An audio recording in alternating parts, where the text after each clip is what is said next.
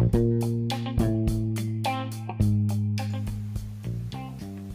balik lagi di podcast kalah mulu. Udah kalah protes mulu. Mamam. Kali ini tetap bersama saya Latansa yang tidak pernah menang. Dan saya Aji Satrio yang kesulitan bikin strategi. Oke, langsung aja kita bahas dari yang terjadi di 1 sampai 2 minggu terakhir. Yuk, dari per, eh hari ini per tanggal ini dulu ya. Tanggalnya tanggal 5 bulan Juli ya. Oke, berarti kita ambil tag, pos, tag podcast ini tanggal 5 Juli 2020. Langsung aja kita bahas mulai dari yang terakhir paling baru paling hangat. Liverpool juara, coy. Ya, mungkin Liverpool juara ini udah diperkirakan dari kemarin-kemarin sih. Soalnya kan poinnya juga udah banyak banget kan itu perbedaannya sama peringkat 2 dan seterusnya. Oh, udah nggak usah dikira-kira lagi. Lihat angkanya 20 sekian dari peringkat satu ke peringkat dua udah pasti juara. Cepat atau lambat lah. Ya mungkin kemarin pas aja waktu ketemu ini kan ketemu Everton atau? Ya Everton tuh waktu itu imbang ya ya kosong ketemu Everton imbang. Nah tapi poin kita pembahasan kali ini nggak masalah di juaranya tapi di pertandingan terakhir Liverpool City. Liverpool dibantai 4-0 mungkin habis pesta-pesta tuh ya. Habis ngangkat piala. Kebanyakan pesta Mane first touch-nya sampah. Ya mungkin juga karena permainannya City juga sih.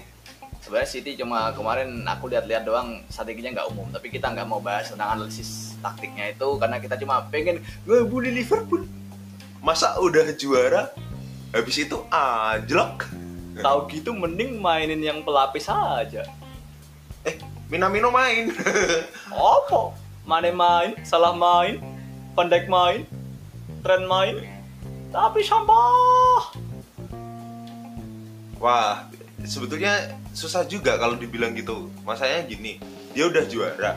Kalau emang mau ngelanjutin tren positifnya kan harusnya juga mainnya yang bener gitu loh. Yoi ngejar rekor coy 100 sekian poin rekornya kemarin yang dipegang sama City sampai 100 nggak sih kemarin yang yang musim lalu Sempet sampai 100 Sempet, iya. sempat sampai 100 100. Nah itu harusnya targetnya jangan cuma juara, jangan cuma ngehajar City, tapi juga mecahin semua rekor sekalian lah klub nanggung.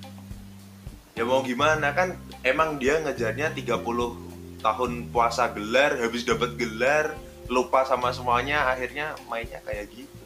Oke lanjut aja langsung, udah udah cukup. Kita mau terkesima dulu. Sekarang kita bahas terakhir kemarin ada pertandingan Juventus lawan Sassuolo. Wah, itu pertandingan skornya lumayan juga kan? 4-1 yang paling kusuka golnya Dybala itu ada sedikit utak-utik dan golnya yang satu lagi siapa lagi kalau bukan Cristiano Ronaldo. Ronaldo. Free kicknya curling coy. Nggak knuckle nggak kayak biasanya. Itu yang kayak yang free kicknya waktu lawan Spanyol di Piala Dunia. Persis kayak gitu. Sebenarnya ini free kick gol da- gol dari free kick ini udah lama nggak dilakuin kan sama Ronaldo waktu di Juve. bukan udah lama lagi belum pernah malah setauku. Berarti baru sekali ini di Serie A ya. atau pernah sekali ya? Aku agak lupa tapi seingatku tuh habis free kick takernya Juventus jadi Ronaldo itu statistik free kicknya jadi anjlok. Terakhir kan yang biasa free kick kan Pjanic, Dybala sebelum ada Ronaldo. Ya mungkin karena Pjanic juga ini kan udah udah transfer resmi kan sama Arthur tuker guling. ya soalnya pianisnya nggak cocok sama skemanya Sari sih sebenarnya sih.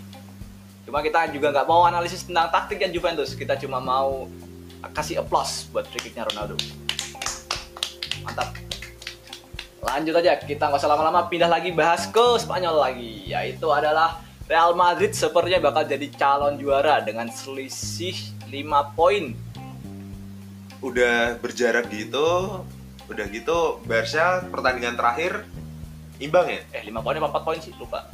Pokoknya Ya, poin pokoknya lumayan udah lah. udah perbedaan poin lah. masih masih bisa masih bisa nyimpan satu pertandingan kalah lah istilahnya Real Madrid. Aku kalau seingatku tuh gitu. Aku lupa kalau nggak 4 poin 5 poin. Ya apalagi kan hasil dari kemarin di peringkat duanya Barca juga imbang, terus Madrid habis menang lumayan juga. imbang imbang dua kali loh itu. Barcelona imbang dua kali langsung Real Madrid golnya. Walaupun cuma selisih satu gol satu gol akhirnya tetap memberi jarak yang lumayan untuk uh, perjuangan merengkuh titel La Liga. Ya akhirnya Zidane kembali dan bisa merebut piala. Untuk apa?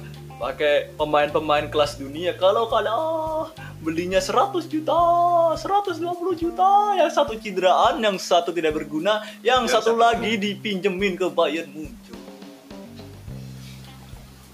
udah gitu ini juga. Waktu eh masih ada champion juga kan? Masih ada champion tapi yakin juara. Eh, enggak sih. Nggak yakin coy. Juaranya Atlanta. Juara, juara Atalanta juga nggak mungkin dong. Ini harusnya yang juara. Harusnya aduh Liverpoolnya udah kalah sih. Ya mau beli Liverpool lagi nggak enak. Udah udah. Kemarin kemarin udah jauh banget lawan Atletico kan ya. Tapi emang ini kayaknya bakal jadi kalau misal dari rumor-rumornya musim ini lalu musim berikutnya habis itu Messi katanya udah mutung mau minggat pundung coy. Nah kira-kira nih yang mau kontrak Messi siapa? Dengan gaji segitu umur segitu. Cuman oke lah emang dia punya kualitas dia masih punya teknik yang emang nggak bisa dibandingin sama yang lain ya ini urusannya bukan bukan ke explosiveness-nya si Messi lagi. Eksplosifnya Messi udah habis mungkin di 3-4 tahun lalu. Tapi kalau urusan playmaking urusan dribbling urusan narik pemain bertahan lawan dia masih bisa berguna coy. Ini masih masih bisa bantu buat ngasih ruang buat striker yang depannya. Jadi bola bisa diarahin ke sana Messi-nya buat narik pemain lain. Nah, kira-kira nih dengan permainan kayak gitu tim mana nih yang bakal kira-kira cocok sama Messi Kalau dari rumor-rumor yang nggak jelas, ini rumor nggak jelas kita harus kasih klarifikasi ini rumor nggak jelas karena nanti ketakutnya kalau kita dijadikan acuan nanti ternyata kita dikira hoax.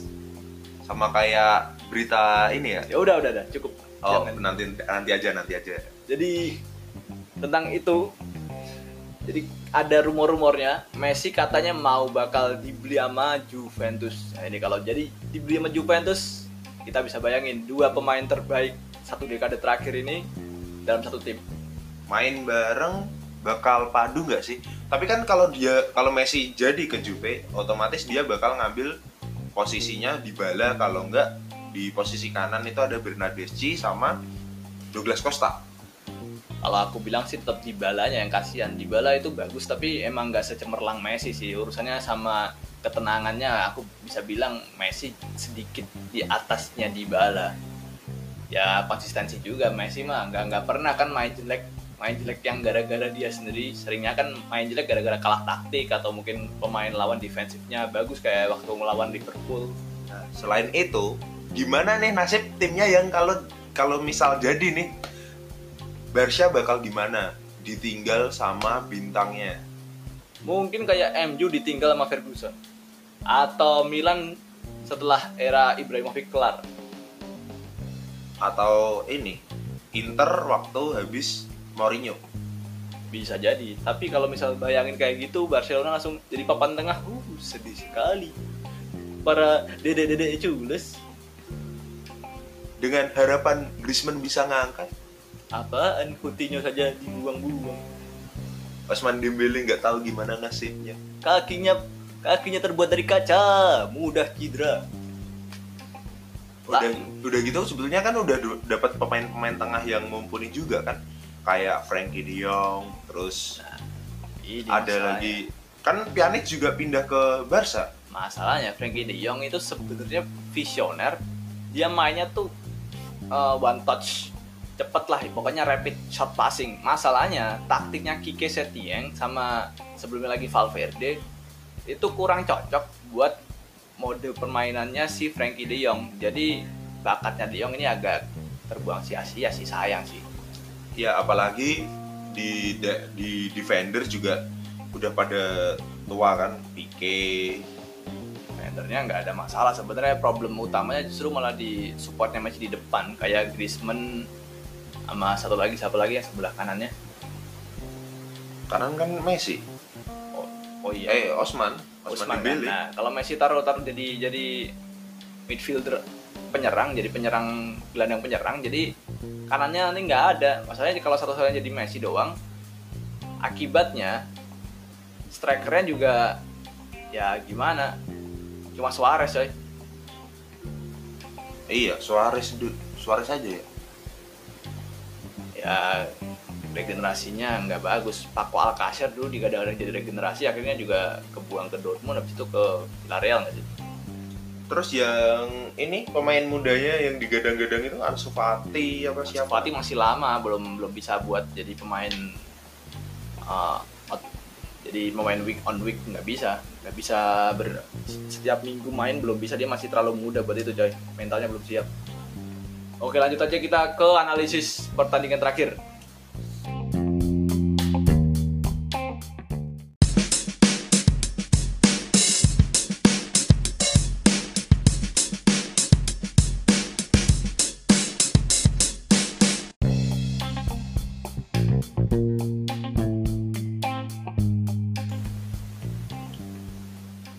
Lanjut ke segmen berikutnya kita mau bahas tentang analisis pertandingan-pertandingan terakhir yang menurut kita menarik.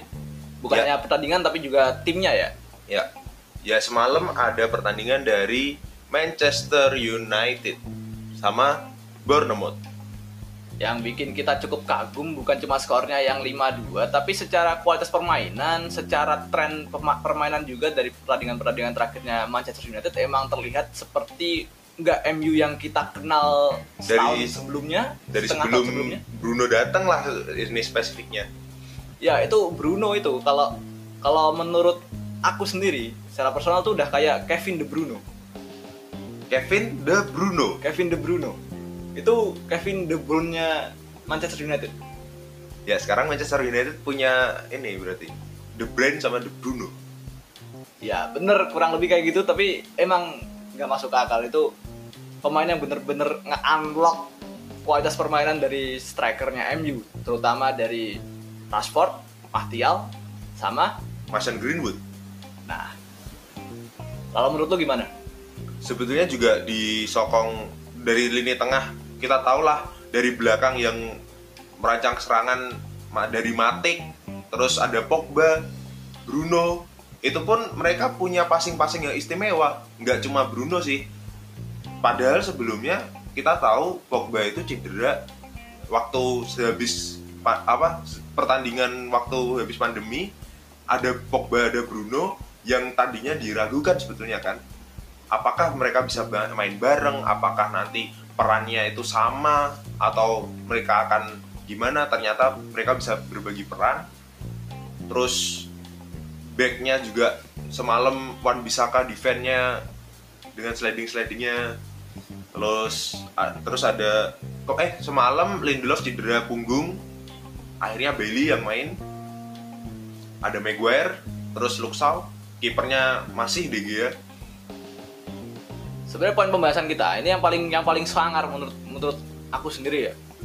Itu gimana caranya Bruno membuat Pogba jadi bener-bener lebih bagus walaupun sebenarnya dia bagus di MU masalahnya sebenarnya Pogba itu dia kalau misal mau passing pemain MU ini yang lain terlalu statik. Nggak ada yang uh, bergerak sesuai dengan keinginannya Pogba. Paling mentok-mentok Rashford running behind. Masalahnya kalau running behind doang bisa langsung secara mudah diintercept sama pemain bertahan lawan. Di sini Bruno bisa jadi pemain yang di antara midfield sama defendernya musuh. Di mana di situ Pogba sama Bruno bisa bergantian, yang maju siapa, yang passing siapa, kasih ruang buat Martial di sebelah kiri ya, oh ya dan Mason Greenwood di sebelah kanan. oh enggak Rashford yang kiri Rashford yang kiri. Martial tengah Oke. Jadi kurang lebih kayak gitu. Yang bisa bikin ketiga strikernya bisa nyari tempat karena pemain bertahan lawan bisa ketarik sama pemain yang di antara defender sama midfield ini entah Pogba maupun Bruno dari situ mulai ada pergerakan yang lebih dinamis di mana striker bisa mengeluarkan off the ball movementnya iya. Serta langsung finishingnya juga luar biasa dari kita bisa bilang Mason Greenwood ya. Ya dua gol dua gol di pertandingan terakhir. Dan satu kaki kiri satu kaki kanan. Dengan kualitas yang juga di luar batas nalar ya untuk ukuran pemain muda itu udah sangat bagus sekali sebenarnya. Itu kan kalau kita ingat-ingat umurnya berapa sih Mas Greenwood? Mason Greenwood itu 19 mungkin. 19 dia tahun. sekitaran segitu ya 19 sampai 20 tahun itu pemain kayak gitu udah udah mental strikernya udah luar biasa kalau buat aku. Kayak kayak kayak Halan ya walaupun Halan sebenarnya lebih ke technical tapi kalau masuk Greenwood ini lebih ke lebih ke mental. Mentalnya emang bagus banget. Se- selain itu juga Mason Greenwood ini. Jadi dia untuk kapasitas apa masa ototnya itu selama pandemi bertambah loh. Jadi emang etos kerjanya juga tinggi. Iya determinasi tinggi. Iya. Selain itu dari Manchester United sendiri untuk pembedanya untuk sebelumnya yang penyerangnya kelihatan statik ini dipacu sama Bruno Fernandes lagi. Waktu kita kita nonton ini lah mungkin dari jauh gitu kan.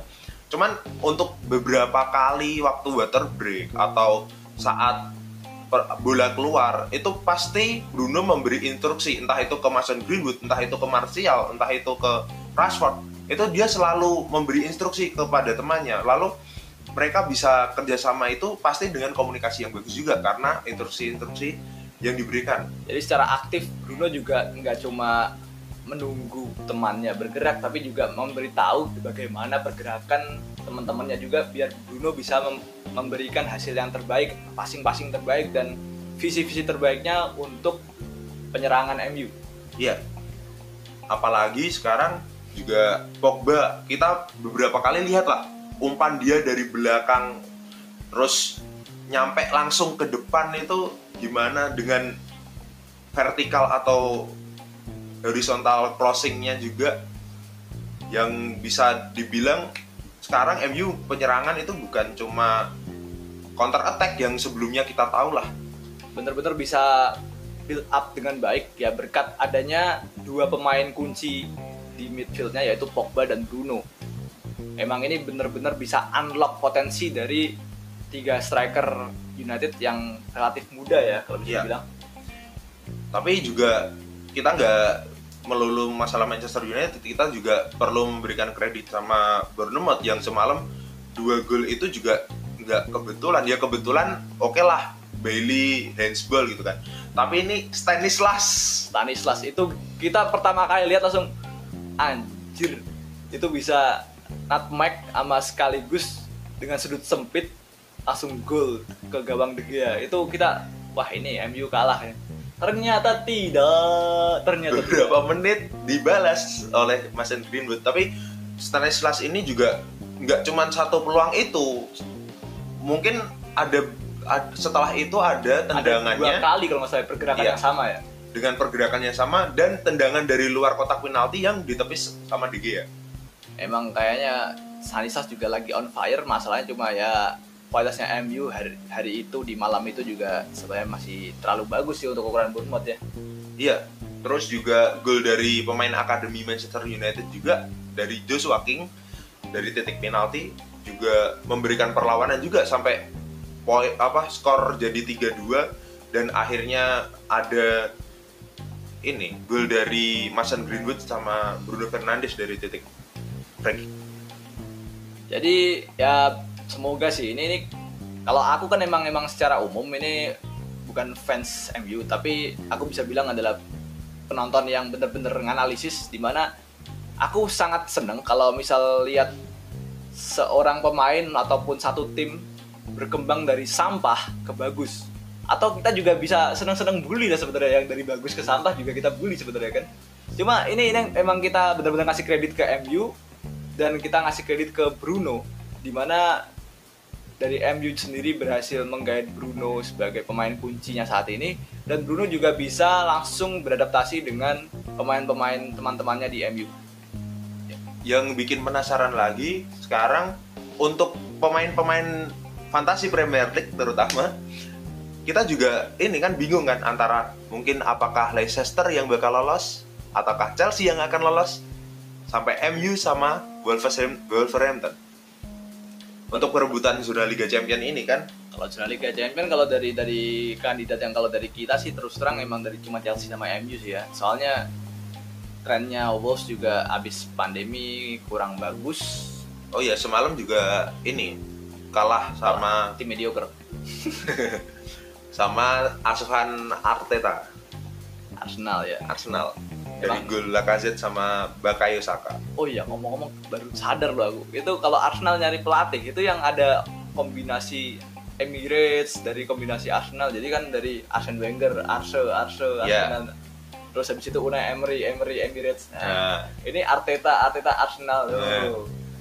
emang kayak gitu ya requirementnya nggak tahu ya, soalnya kan kita tahu lah Arteta juga mantan pemain di Arsenal meskipun setelah itu dia pindah ke Manchester City lalu jadi asisten dari Pep Guardiola.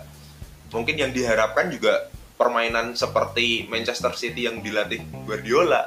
ya nanti kita lihat aja tapi tetap ya poin pembahasan kita adalah analisis-analisis tadi terkait MU emang luar biasa dan udahan kita Ntar lah, masih ada yang selanjutnya.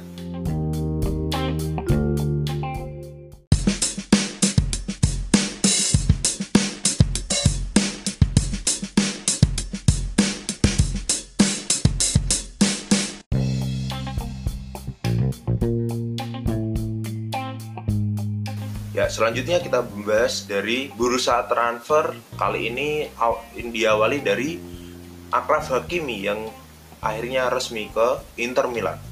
ini kayaknya proyeknya Conte sih. Conte emang suka dengan wingback ya. Dia kan emang fokusnya pemain tiga di belakang sama wingbacknya yang naik turun. Emang kayak gitu. Nah sekarang Hakimi ini emang kalau di Dortmund itu udah jadi wingback yang bisa diandalkan lah kita bisa bilang Apalagi di sisi kanan dari dari Inter juga sekarang siapa sih? Kandreva. Kandreva. masalahnya Kandreva ini angin-anginan.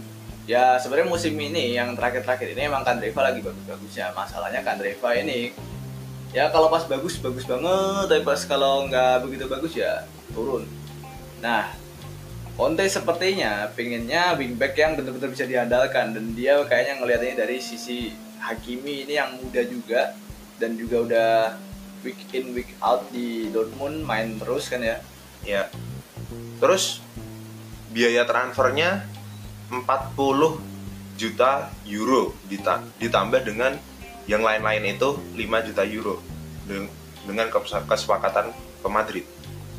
tentunya ini juga suatu hal yang tidak tidak mahal-mahal amat ya untuk pemain yang memang benar-benar udah established sudah udah menancapkan kukunya di Bundesliga kalau bisa kita bilang Apalagi dengan umur segitu mungkin akan menjadi proyek jangka panjang juga kan.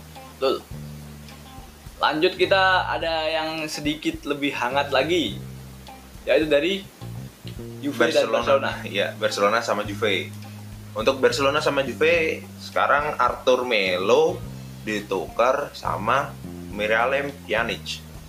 Nah ini yang agak aneh sebenarnya adalah Barca kenapa harus menukar Arthur Melo yang sebenarnya cukup potensial ya?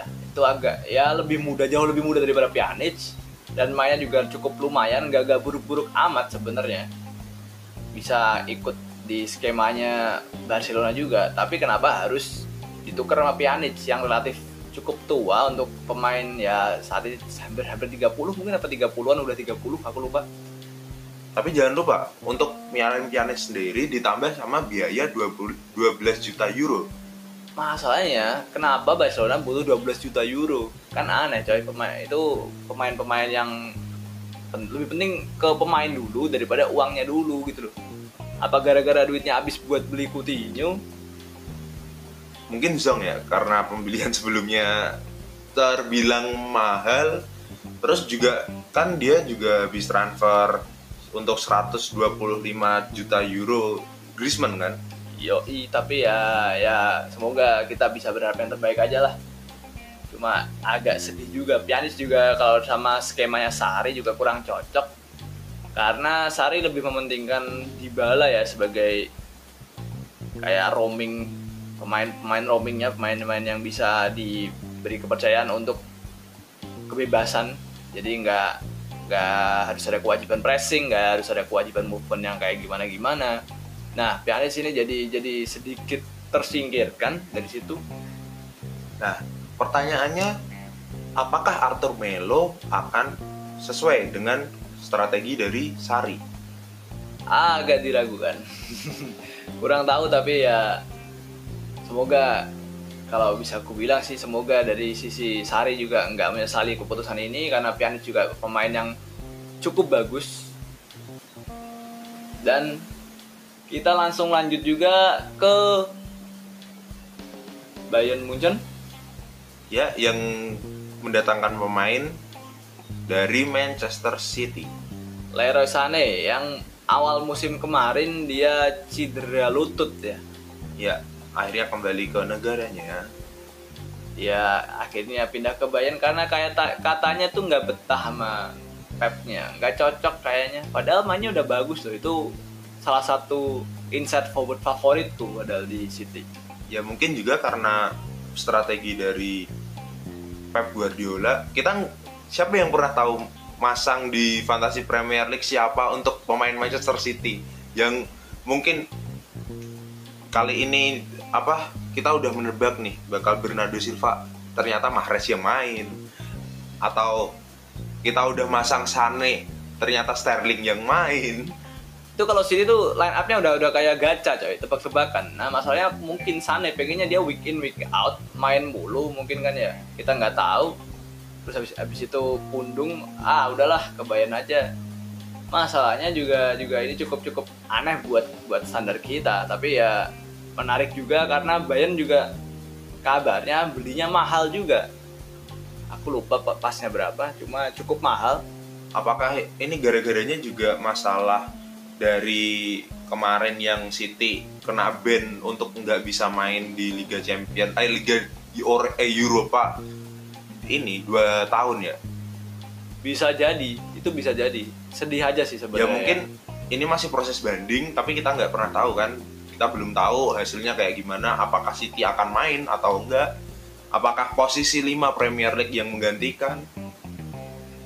ini Bayern ini semakin semakin horor aja ini berarti wingernya semakin horor aja isinya udah udah dari siapa aja tuh coba Ada Kingsley Coman, Gnabry, Perisic Perisic kan Perisic pinjaman belum tentu di ini kan Oke. dipermanenkan habis itu Leroy Sané yang baru datang.